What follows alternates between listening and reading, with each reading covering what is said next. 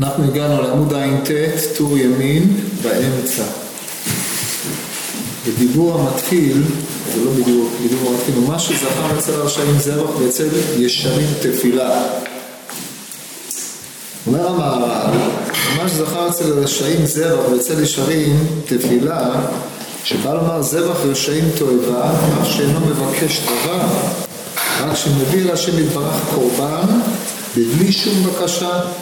עם כל זה תועבה על השם יתברך, ואילו תפילת ישרים רצונו של השם יתברך, אף שהתפילה שהוא מבקש מן השם יתברך הוא לתועלת שלו, כמו שהוא כל תפילה.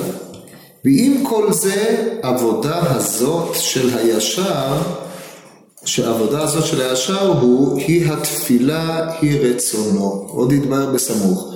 עכשיו הוא חוזר להסביר את השני חלקים בפסוק, זבח רשעים תועבה ותפילת ישרים רצונו. מעמיד המהר"ל אחרי שהוא העמיד את הניגוד בין הרשעים לבין הישרים. הוא עכשיו דן על היחס בין המונח זבח לתפילה. תפילה בהגדרה היא בקשה.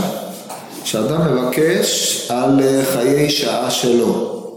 אנחנו נראה להלן למה הבקשה על חיי שעה שלו היא איננה, היא, היא ממלאת את הדרישה של עבודת השם, אבל הדבר הזה עומד בניגוד למושג זבח. זבח הוא בדרך כלל מיוחס לקורבן שלמים. קורבן שלמים אדם מביא יותר כהודיה או כעניין שהוא לא בא לכפר על חטא הוא גם לא בא כבקשה או דבר מעין זה, שזה מסוג הכפרות על חטא, שזה בא לבקש שהקדוש ברוך הוא יעביר חטאתו.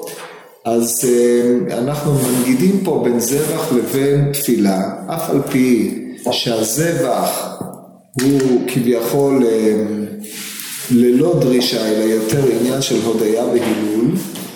והתפילה עניין של בקשה, מכל מקום הזבח הוא מתועב באשר הוא זבחו של רשע, והתפילה למרות היותה בקשה היא רצון השם יתברך, למרות שלכאורה היא משרתת את צורכי היחיד. וזה החריפות של הניגוד שמעלה שלמה המלך פה בפסוק. מה עוד אנחנו יכולים לומר על זה? אז ההסבר למה זבח רשעים תועבה זה כבר הסברנו קודם לכן, באשר הם רשעים כל תפיסת הזבח שלהם מוטעית לחלוטין. במקום להצביע על אה, אחדותו יתברך ועל היותו הכל והכל מידו, הם מצביעים בזבח הזה על תפיסת הריבוי, כמו שהוא הסביר, הסביר קודם לכן לעניין אה, בלעם. אבל לגבי תפילת ישרים רצונו, עכשיו הוא צריך לחזור ולהסביר את זה. זה הוא כמעט ולא באר, למעט הקביעה שישרים מורים על בחינת האחדות. איך הדבר הזה מתיישב עם העובדה שתפילה היא בקשת צרכיו של האדם עם הפרט ועם הכלל. אז זה מה שהולך להסביר כעת. אומר, ואין לשאול, זאת אומרת אם כתוב אין לשאול, פירושו של דבר שיש לשאול, כן? זאת אומרת, אין לשאול את השאלה הזאת, כי אני אענה לך עליה. אין לשאול איך אפשר לומר שהתפילה היא עבודה אל השם יתברך, והרי עבודה זאת על מנת לקבל פרס. אם כן, למה נקראת התפילה עבודה? הרי העיקר הגדול הוא כעבדים המשמשים את הרב שלא על מנת לקבל פרס, דהיינו לעשות את העבודה לשם המצווה עליה ולא כדי לקבל ממנה תגמול, דהיינו העבודה היא לא אמצעי אלא היא עצמה התכלית. הרי שלכאורה התפילה פה היא אמצעי למילוי צרכיו של המתפלל. ואם כן, הדבר האחרון שהיה אפשר לקרוא לתפילה זה עבודה, בעוד שהתפילה הפכה להיות הפרדיגמה של עבודה כמו שהוא אה, טען קודם לכן. הדבר הזה הוא לכאורה שאלה נכבדת וקשה. אז על זה בא המהר"ל ואומר אין לשאול, למה לא? אז זה אומר שכבר אמרנו כי כל עניין העבודה מורה שהכל נקנה אל השם יתברך והוא שלו.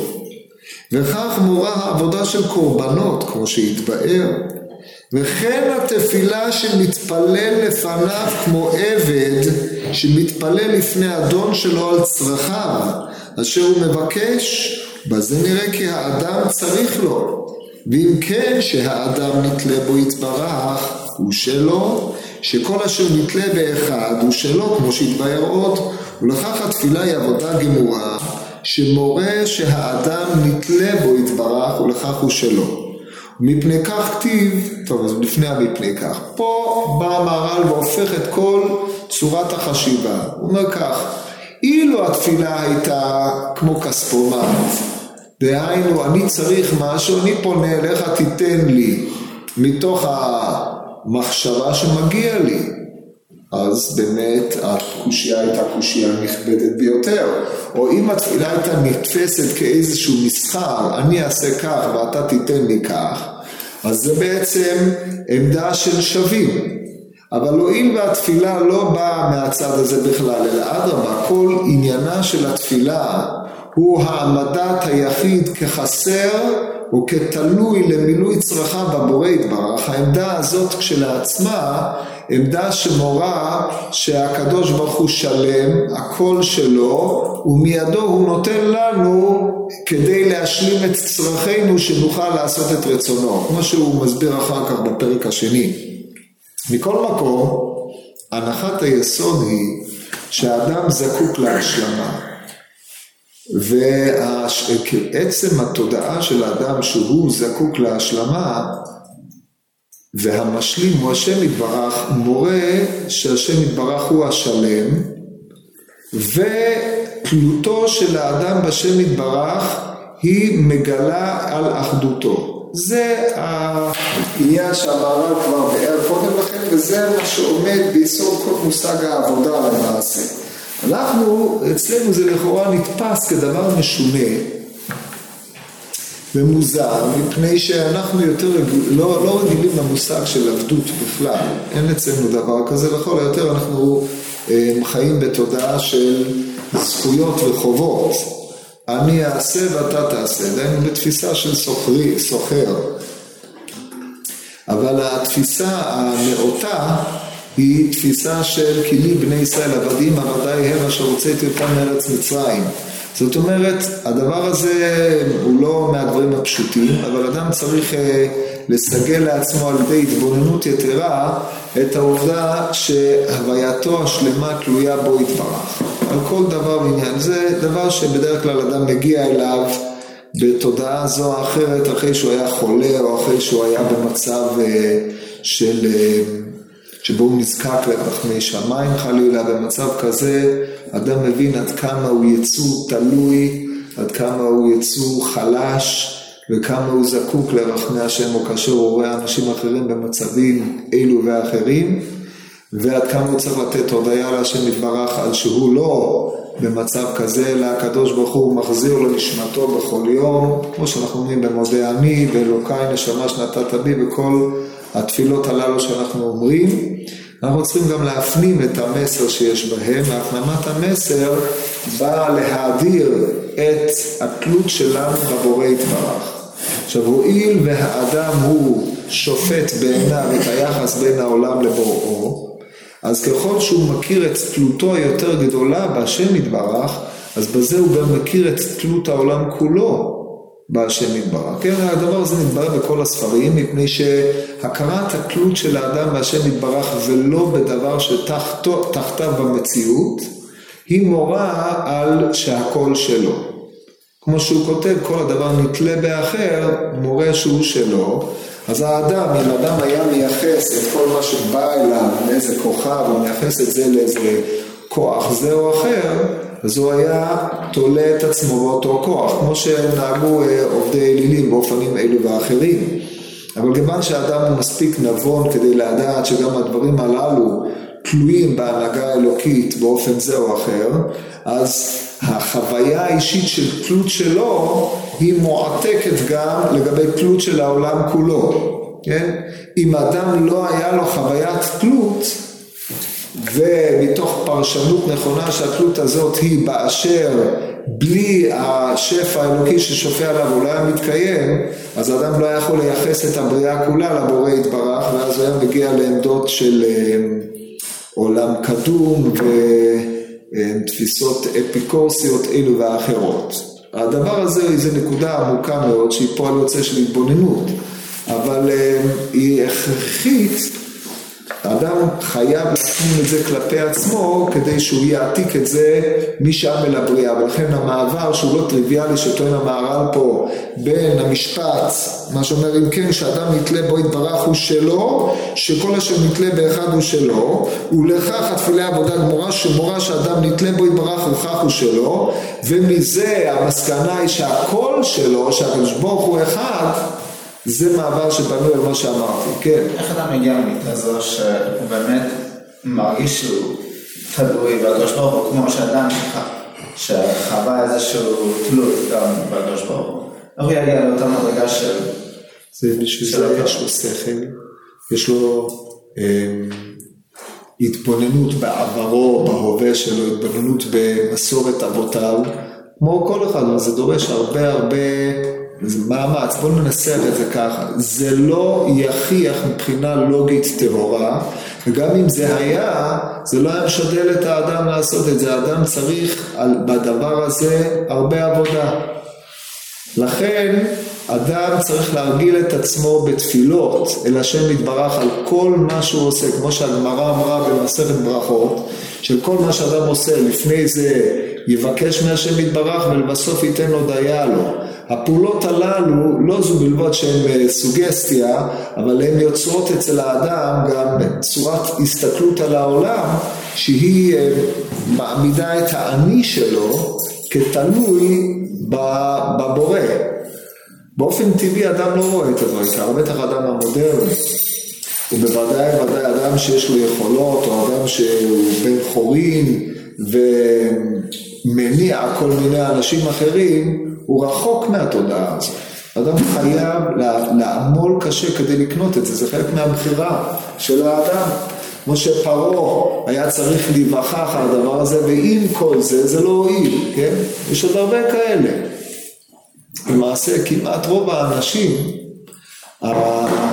אולי זה לא טוב להגיד רוב האנשים, אבל הרבה אנשים, גם אם הם דתיים או לא, הדת הופכת להיות חלק מאיזה ריטואל שהוא צריך לקיים במהלך היום-יום שלו, וזה נדחק הצידה ברגע שהוא גמר עם העבודה הפולחנית, שפך ליבו לפני השם בבית כנסת בקצב מסחרר, ואחרי זה כשהוא הולך הביתה, זהו, לא, שום, בניסוחים של האדמו"ר הזקן, הוא לא לוקח איתו שום אורות משם, הוא משאיר אותם את כולם בבית הכנסת, והוא היה יציאתו כביאתו, בקיצור, כן? בשביל זה אדם חייב אחרי זה לעשות את הדברים הללו ולחזור על זה עוד פעם, כבר כתוב בנפש החיים, גם בלימוד התורה, גם בלימוד התורה זה יכול לקרות. לימוד התורה בפרט אצל אנשים שמשתמשים בשכל שלהם מאוד, זה עולה, הרגשת העוצמה של האני עולה חזק מאוד, גם במדעים, אנשים שהם שכליים, זה בוודאי בא אצלם לידי ביטוי. ולכן כותב רב חיים מבלושים, שמדי פעם אדם צריך לעצור בשטף לימודו ולהתבונן שהכל ממנו יתברך, שזאת התורה שלו אנחנו למדים וממנו אנחנו מקבלים דעת ובלי שהוא היה משפיע עלינו שכל לא היינו מבינים כלום, כסומים בערובה היינו מהלכים כל ימינו, כבמקל של סומים כמו שאומר הרייבד, כן? אז זה גם כן דבר נכון שצריך ללמות את האדם הרבה מאוד. עכשיו, נעשו בזה אמצעים כמו ברוך השם ובעזרת השם, אבל אדם אומר אותם, ערבים אומרים אותם, כן, זה מטבע שחוק, אין איזושהי משמעות, אדם צריך להבין מה המשמעות שהוא אומר שבעזרת השם הוא יעשה כך וכך. זה לא איזה עוד מילה, אני אשתדל לעשות כך וכך, זה כאילו אה, אני בעזרת השם אעשה. צריך להבין שכשהוא אומר בעזרת השם הוא מתכוון לדבר הזה. כמו הרבה עניינים שמלכתחילה נתבעו כדי לשדל את דעתו של אדם, הם הפכו להיות מטבע שחוק שמאבד את המשמעות שלו. אז זה, זה המצב שדורש אה, סיגול דעת. אדם חייב לחשוב על זה. אם הוא לא חושב על זה בעצמו וסומך שזה ייכנע לו מאליו, אז יש אנשים שבאופן טבעי יש להם נטייה יותר דתית או נטייה יותר משתעבדת. תלותית למיניה, אבל אדם שהוא לא כזה, אם הוא לא עובד על עצמו, לא יהיה לו.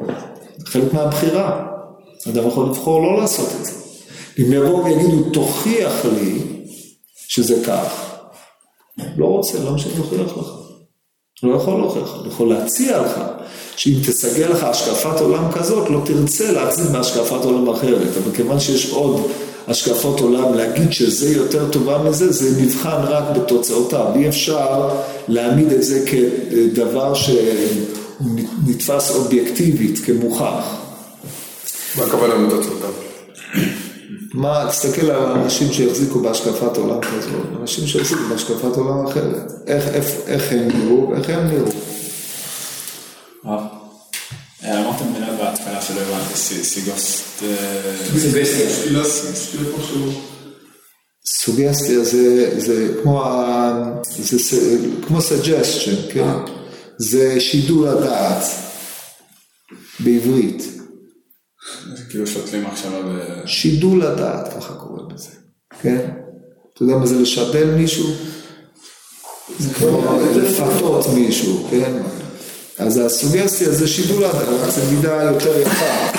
זה להביא את דעתו לידי כך שהוא יראה את הדברים כמו שהוא, כמו שהם. זה, זה עבודה לא פשוטה.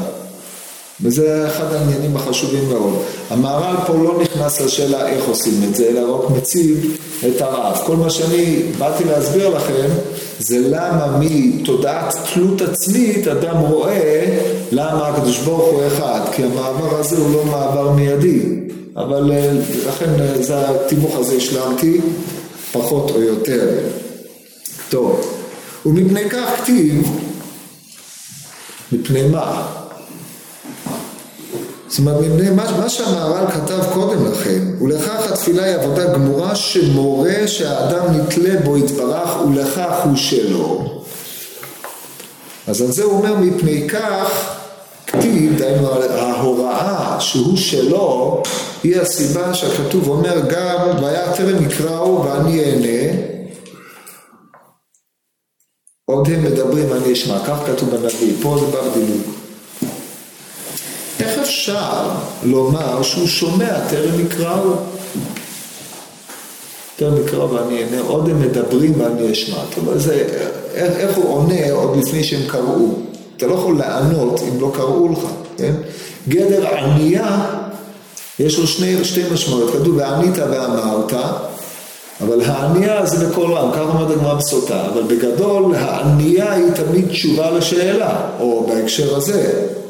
אז אם אני לא שאלתי את השאלה, איך אתה יכול לענות על, מה שאני לשאול? אז בדרך כלל מפרשים שהקדוש ברוך הוא מקדים את צרכיהם של האדם, ואילו הוא היה מבקש, אז זה מה שהוא היה מבקש, אז הוא הקדים לו את צרכיו.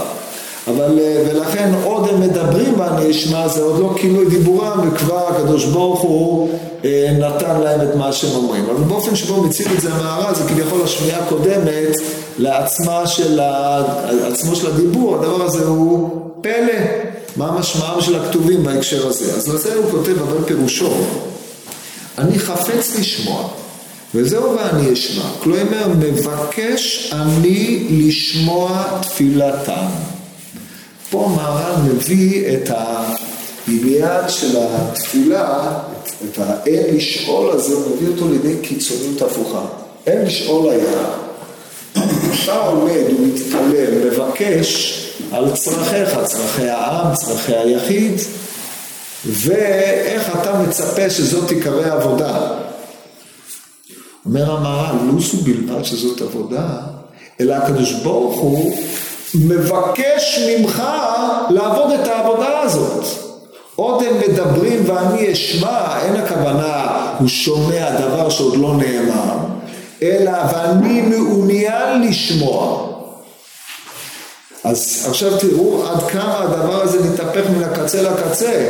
אילו כל עניינה של התפילה הייתה כדי לספק את צורכי היחיד, אז הדבר הזה באמת לא היה מובן. למה? הקדוש ברוך הוא רוצה את סיפוק צורכי היחיד, אם לא נברא היחיד, אלא לכבודו יתברך. אבל לזה אומר המהר"ל, אדרבה, תפילתם של היחידים על צורכיהם, לפי ההבנה שנקטנו להן, היא זו שמעמידה כביכול את אחדותו יתברך וכמו שנראה משפטים מפליאים ביותר שהם משלימים את מה שראינו בפעם הקודמת וזה כל עניינה של התפילה שהקדוש ברוך הוא כביכול ציווה, או לא כביכול, הקדוש ברוך הוא ציווה אותנו על התפילה הזאת.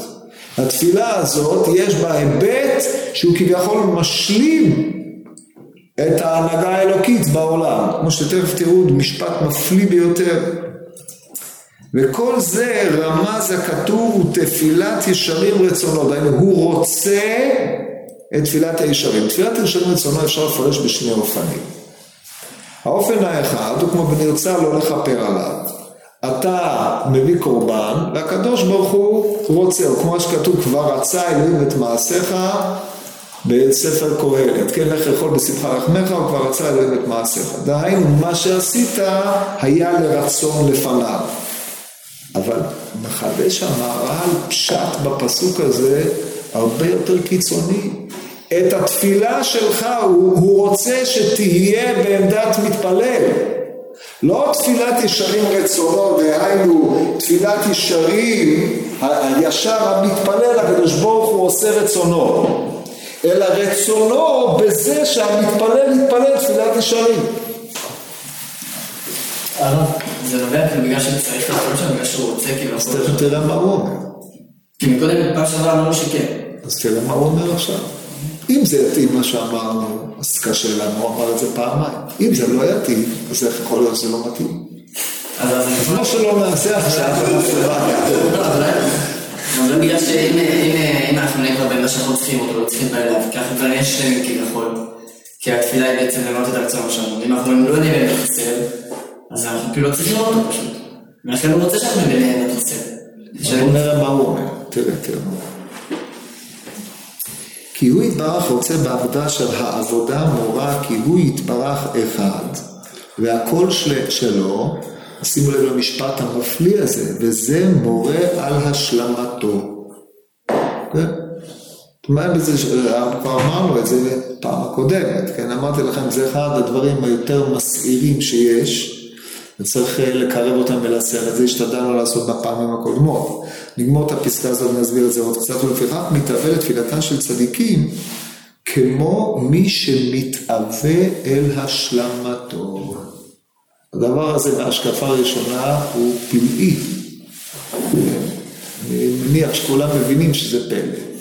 אבל לפי מה שהסברנו קודם לכן, הרי המהר"ל אמר שעיקרה של התפילה היא להעיד על היותו אחד, היות הקול שלו, ופה הוא אומר, עושה את הצעד הבא, העדות על האל, על זה שהוא אחד, הקול שלו, היא עצמה ההשלמה שלו.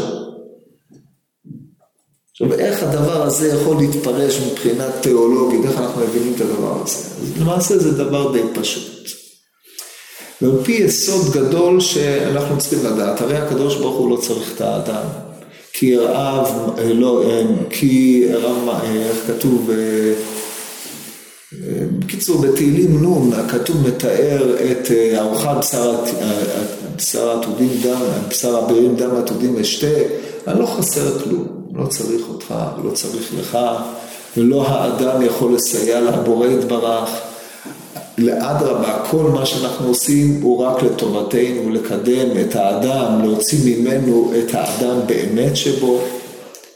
אף על פי כן, התפילה נתפסת פה כדבר משלים את השם יתברך. זה דבר שלכאורה אסור לאומרו. אבל המושג השלמת ראש לבורא יתברך הוא במובן של עיקר הבריאה, הקדוש ברוך הוא ברא את הבריאה, הדברים האלה מתבהרים יותר בספרים של הרמח"ל. הקדוש ברוך הוא ברא את הבריאה חסרה כביכול.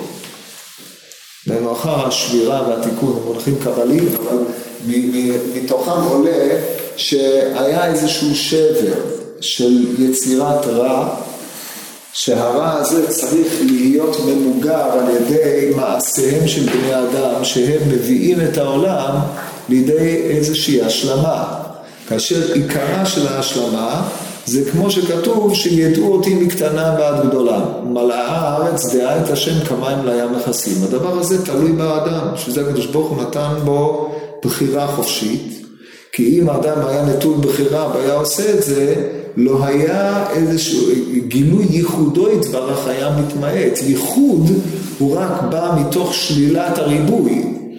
והשלילה הזאת היא, היא ניתנה לאדם לעשות, זה עבודתו של האדם. אז הקדוש ברוך הוא כביכול העמיד את עצמו כתלוי בהשלמת מעשיהם של בני אדם. זה מהיסודות הגדולים שמתבהרים בספרי הרמח"ל, והדבר עלה, אין, אין אף אחד שחולק על הדברים האלה. בעיקר בספר די התמונות, שמאוד חשוב לקרוא אותו ולהכיר אותו, יש לנו הרבה יסודות אמונים חשובים. זה מה שאומר המהר"ל, התפילה. התפילה מבטאת את אותה השלמה, עדיין מתוך הכרת העובדה שאדם חסר, נגיד את זה יותר בעומק, הקדוש ברוך הוא מתאבל לתפילתן של צדיקים, הרי זה לקוח מהגמרא במסכת יבמות לגבי זה שלמה היו אמהות עקרות, כפי שהקדוש ברוך הוא מתאבל לתפילתן של צדיקים. כביכול, הקדוש ברוך הוא מביא על האדם איזשהו חסר שהוא יצטרך להתפלל עליו. כי התפילה שהאדם מתפלל אל השם יתברך, היא מעוררת בו את התודעה של התלות האמיתית. דבר שבלא זאת אדם לא היה מכיר אותו. ומצד שני, נחש עפר לחמו, אומרת הגמרא מסכת תענית, פליגי ברבן וברבסי, אחד אמר שכל מקום שהוא הולך, הוא, הלחמו נמצא איתו, ואחד אמר שכל דברים שהוא אוכל הוא טועם בהם טעם עפר, כן, בין כך ובין כך, בטח לפי התפיסה הראשונה רע, לאן שהוא הולך, יש לו את מה שהוא צריך. אז אמרו, מפני שאז הוא מנותק מהשם יתברך. עכשיו, ברגע שאדם מגיע לניתוק מהשם יתברך, מזין את עצמו באיזשהו מקום, אם הוא מזין את עצמו, הוא לא, אין לו התחברות אל השם יתברך, אז מלבד זה שהוא לא ממלא את תעודתו בעולם, אבל החיים שלו הופכים להיות חיים ריקים. עכשיו אתם יכולים להגיד אז מה? יש הרבה אנשים שהיו שמחים שזה מה שיקרה להם, וככה יחיו, הנה חינם. ואתם יכולים להגיד, הרי יש אנשים שלא מתפללים, לא מעניין אותם כלום, רודפי בצע, שמחים כל היום, איך הגמרא אומרת על איזה מטרוניתא שראתה את רבי יהודה, היא אמרה, או שאתה מלווה בריבית, או שאתה מגדל חזירים. אמר לה, למה? כי הפנים שלך צהובות, אתה נראה אדם מבסוט. היא לא הכירה את האופציה השלישית. אז אמרנו, מלווה בריבית, חיים טוב, למרות שכתוב עליהם, חיו לא יחיה, אין חלק לעולם הבא. אז אם באנו לומר, תראו, זו טענה שהרבה דתיים משתמשים בה, תראו, אלה שלא שומעים תורה ומצוות, אלה שעושים ככה, הם גרועים, הם זקנים, הם חיים חיים אומללים, זה טעות, זה לא נכון. אבל יש היבט אחר, והוא ההיבט של מהו האדם, אדם המעלה, או מימוש של האדם באמת, הוא במעלתו היותר עליונה, הוא לא במעלתו של סיפוק הצרכים הבסיסיים של צורכי התאווה, צורכי הרכושנות. אלה מידות זולות שבאדם. אדם שלא זכה לטעום קצת אה, ממעלת האדם היותר גדולה, הוא אדם מסכן. מסכן במובן הזה, לא שרע לו, הוא גם לא יודע מה חסר לו. אבל זה חיסרון באדם שיש לו פוטנציאל להגיע גבוה, מסתפק במועט, הוא חי חיים חסרים, אומר הרמב"ם בהקדמה לפירוש המשנה, חומר מוחרט שט בים ההיולי. זה הביטוי שלו, כן? תלוי איזה תרגום, זה מה שזכור לי. אבל במילים אחרות, הכוונה היא, הוא אומר את זה על כל המלעיג על דברי חכמים נידון וצוהר או תחת. כך אומרת הגמרא בגיטין, אמרו את זה על ישו. ומה זה צוהר או תחת? צוהר או תחת זה הביטוי גס, הביטוי בוטה ביותר של ההפרשות שיש לו לאדם. ובעצם האדם קולט מן העולם ומוציא. יש אנשים שקולטים וכל מה שיוצא מהם זה בבחינת צוהר או תחת, כי מה שהוא קולט, העיבוד שלו, הוא מעמיד את הצדדים השפלים יותר שבמציאות, בדיבור שלו, בעיסוק שלו, במחשבות שלו, במה שהוא רודף. זה צואה, יש אנשים שקולטים ומוציאים פנינים, זה דברי החכמים. לכן האדם הוא כמו מיקסר, הוא מערבל, כן, מכניס ומוציא, ובהתאם למה שעובר אצלו בפנים, בהתאם לאיפה שהוא מעמיד את המהות שלו, ככה הוא מוציא. באופן הזה אדם יכול לקלוט מן העולם שהוא מרחב שהבורא יתברך שם בו את האדם. הוא אומר לו ראה שאל תקלקל את עולמי כי קלקול העולם היא להעמיד את העולם על צורתו הפחות יפה במקום להעמיד אותו על צורתו היותר יפה. כל הדברים הללו הם באים כדי להשלים כביכול את יופי הבריאה ואת הנהגת הבורא. אז זה בקצרה מה שאנחנו יכולים לומר פה. אומר המהר"ל, לפיכך אמרו כי העולם עומד על העבודה. העולם עומד על העבודה, פירושו של דבר ששנייה אחת. שאם אתה לא עובד, אתה לא מאמין את העולם. פה שלום, יש מלא אנשים שלא עובדים בעולם, הגלגל מסתובב, והעולם, השמש תזרח מחר, ואם היא לא תזרח, אז לא משנה מה עשיתי עד היום, אני לא אהיה מחר כדי לא לדעת שהיא לא זורחת, כן? כך שזה לא מעלה ולא מוריד כלום. אז מה זאת אומרת העולם עומד על העבודה? בא המהר"ל ואומר, היות העולם עולמו של הבורא יתברך, זה עומד על העבודה. כי יכול להיות שהעולם הזה ינהג כביכול בלי שהבריות ידעו שהקדוש ברוך הוא מנהיג אותם. אז כאשר אדם בא ומגלה דבר כזה, או כאשר אדם עובד מתוך מגמה להעמיד את העולם כעולמו של השם יתברך, זה בחינת השלמתו. זה ברור הדבר הזה? זה דבר עמוק, צריך לחשוב על זה טוב, אבל אה, זה מה שאומר פה, זה מסעיר. כן, מישהו רוצה לשאול פה משהו? כן. רציתי לשאול לגבי הפעם של אה, מתהווה תפילתם של צדיקים, מתהווה זה מילה אה, נורא חזקה לגבי מה שרוצה הקדוש ברוך הוא? בטח, גם השלמה זה מילה חזקה. נכון. מתאווה ומשלים זה בבחינת דיבור בלשון שבני אדם מבינים אותה, כן? אבל זה רק מראה לך כביכול את התפיסה הזאת שהתפילה היא אה, פועלת לאיזשהו מקום להשלמת ההנהגה האלוקית, שזה אדם שותף, כמו שאדם שותף, נעשה שותף במעשה בראשית, אומרת הגמרא בשבת, שכל אדם דין אמת לעמיתו, ועשה שותף לקדוש ברוך הוא במעשה בראשית. איש ואישה הם שותפים לקדוש ברוך הוא בבריאה. השותפות הזאת בהקשר הזה זה השלמה של מעשה בראשית, בעובדה שאנחנו ממשיכים את ההכרה שלו עלינו על כל פנים, שהוא הכל, הוא אחד. זה דבר מדהים.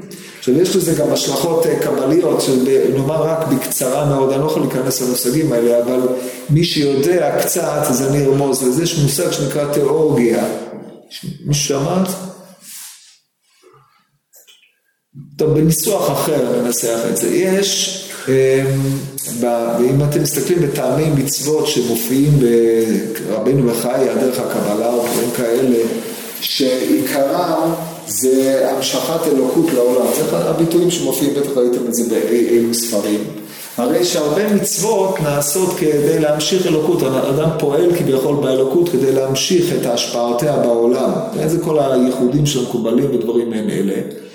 הרי שגם הדבר הזה קשור למה שהמהר"ל אומר. זה, זה כבר רובד יותר פנימי. אני רציתי לכם, להסביר לכם את הרבדים היותר רציונליים, אבל אה, ברבדים היותר אה, פנימיים של הדבר, הרבה, התפילה פועלת בייחוד שמו במובן של, אה, ואמרתי לכם את זה קודם, בהשבת האותיות של הוויה על אלה על אלה, דהיינו השלמת שם הוויה, ייחודה אליו, ייחודת התאה. שגם זה כרוך בעניין של מתאווה לתפילתם של צדיקים. אבל זה ברובד יותר עליון, זאת אומרת, האדם פועל בעולם העשייה, ויש שתפילתו או פעולותיו עולות לעולמי, לעולמות יותר גדולים ומשלימים את ההנהגה האלוקית לא רק בעולם העשייה נגלה את חוקי הטבע, בעולם הרוח, אלא גם בעולם הנשמה ולמה שלמעלה מזה. זה להשלים את העניין. טוב, ואם כי פירשנו פה, אני חייב לומר שהמהדורה הזאת של לונדון, פיסוק, החלוקה לפסקאות, היא נעשתה לפי אמות מידה שאני לא מבין מה הן. אז לכן אני לא מבין למה שמו פה פסקה, זה באמת אה, מפליא. זה כנראה, לא יודע. ואם כי פירשנו פירושים נכונים וברורים בפרק משה קיבל בעניין אלו שלושה עמודים, יש לך עוד לדעת, כן, אתם רואים שזה בדיוק ההמשך שלפיכך אמרו באבות, זאת אומרת למרות שפירשתי באבות פירושים נפלאים, פה יש לנו עוד פירוש שמתקשר ישירות לנידון דנן, אז לא יכול להיות שזה חולק פסקה לעצמו והמבין יבין. אז הוא אומר ככה, אמ, כי אלו השלושה עמודים נגד מה שיש באדם שלושה דברים. זה דבר שחוזר על עצמו הרבה במהר"ל, צריך אה, להבין את זה טוב. האדם מתחלק לשלושה חלקים, יש לו את השכל, יש לו את הנפש ויש לו את הגוף. בגדול הדבר הזה הוא די פשוט, כל אחד מכיר את זה, אתה יכול לחיות בעולם שכלי, כאשר אמות המידה שלך אתה ממשש את העולם מנקודת ראות או לוגית או מנקודת ראות של אה, התבוננות אה, הגותית למיניה. יש לך את העולם הרגשי שבו אתה, את החלק הרגשי שבאדם שבו דרכו אתה ממשש את העולם.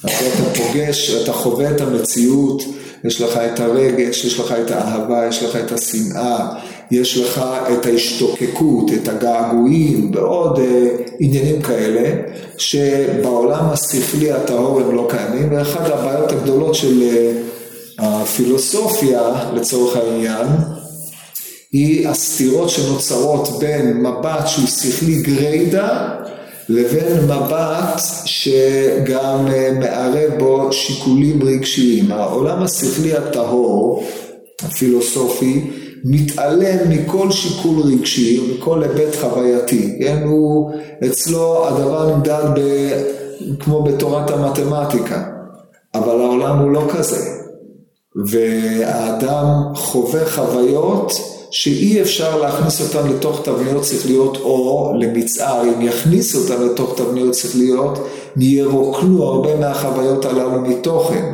לא כל החוויות הללו ניתנות לתיאור ולהסברה, והדבר הזה הוא לא מפני אה, גריעותן של אותן חוויות, או לפעמים מפני עליונותן.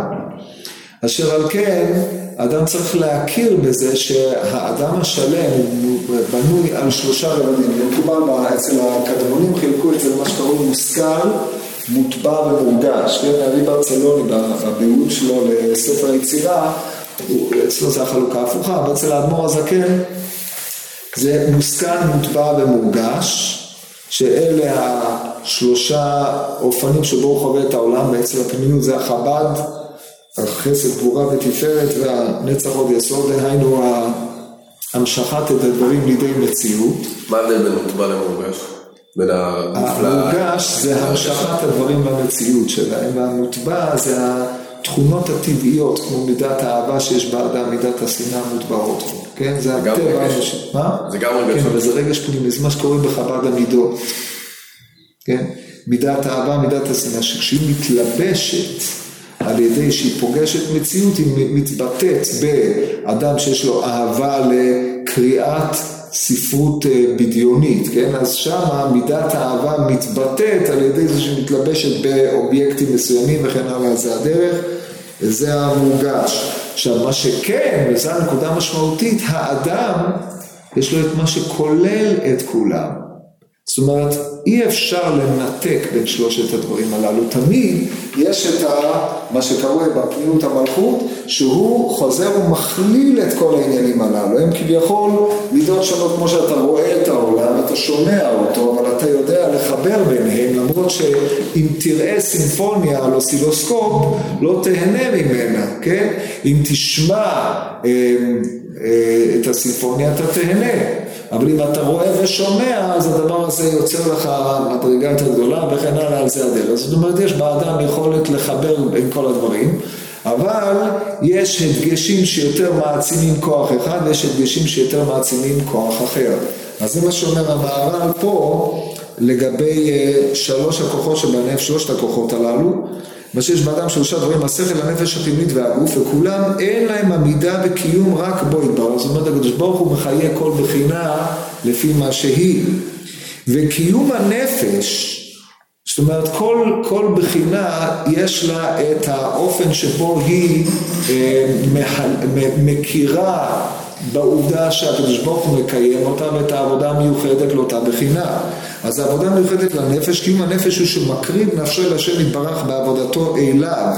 כמו שכתוב אצל העבודה, ונפש כי תקריב, אמרו מדרכו של להקריב מנחה, אני, ונחשב אליו כאילו הקריב נפשו, כן, זה מה שכתוב אצל חנה, ואשפוך את נפשי לפני השם. שפיכת נפש זה תפילה. ובוודאי אפילו מנחה שהיא סומת בלבד נחשב כאילו הקריב נפשו, מכל שכן מי שמביא קורבן יותר נחשב כאילו הקריב נפשו, לכן בעבודה יש לו קיום מצד הנפש. מצד השכל שלו יש לאדם קיום על ידי התורה, שעל ידי התורה יש לאדם דבקות אל השם יתברך כמו שהתברר למדתי בתורה, מצד הזה יש לאדם קיום מצד שכלו, מצד גופו יש לאדם קיום מצד גמילות חסדים, כי הגוף של אדם אין לו קירוב ודיבוק אל השם יתברך, רק מצד, כי השם יתברך גומל חסדים עם הכל, מצד זה יש לו קיום. כאשר אדם גומל חסדים, השם יתברך גומל חסד עמו, גם כן כמו שביארנו יתברך בבחינה, אה, כמו שביארנו במקום אחר, כמו שאנחנו יודעים שהמצווה מצוות עשה ללכת בדרכיו הטובים והישרים, מהו רחום, אף אתה יהיה רחום. בזה אופן המהר"ל דירג לך את שלוש הבחינות של הנפש, כמובן כל כוח משתף את הכוחות האחרים. אבל יש משהו שהוא עיקר והאחרים נעשים תפלים. זה בקצרה העניין הזה, אז זה בעזרת השם נסגור שבוע הבא ונעבור לפרק השני.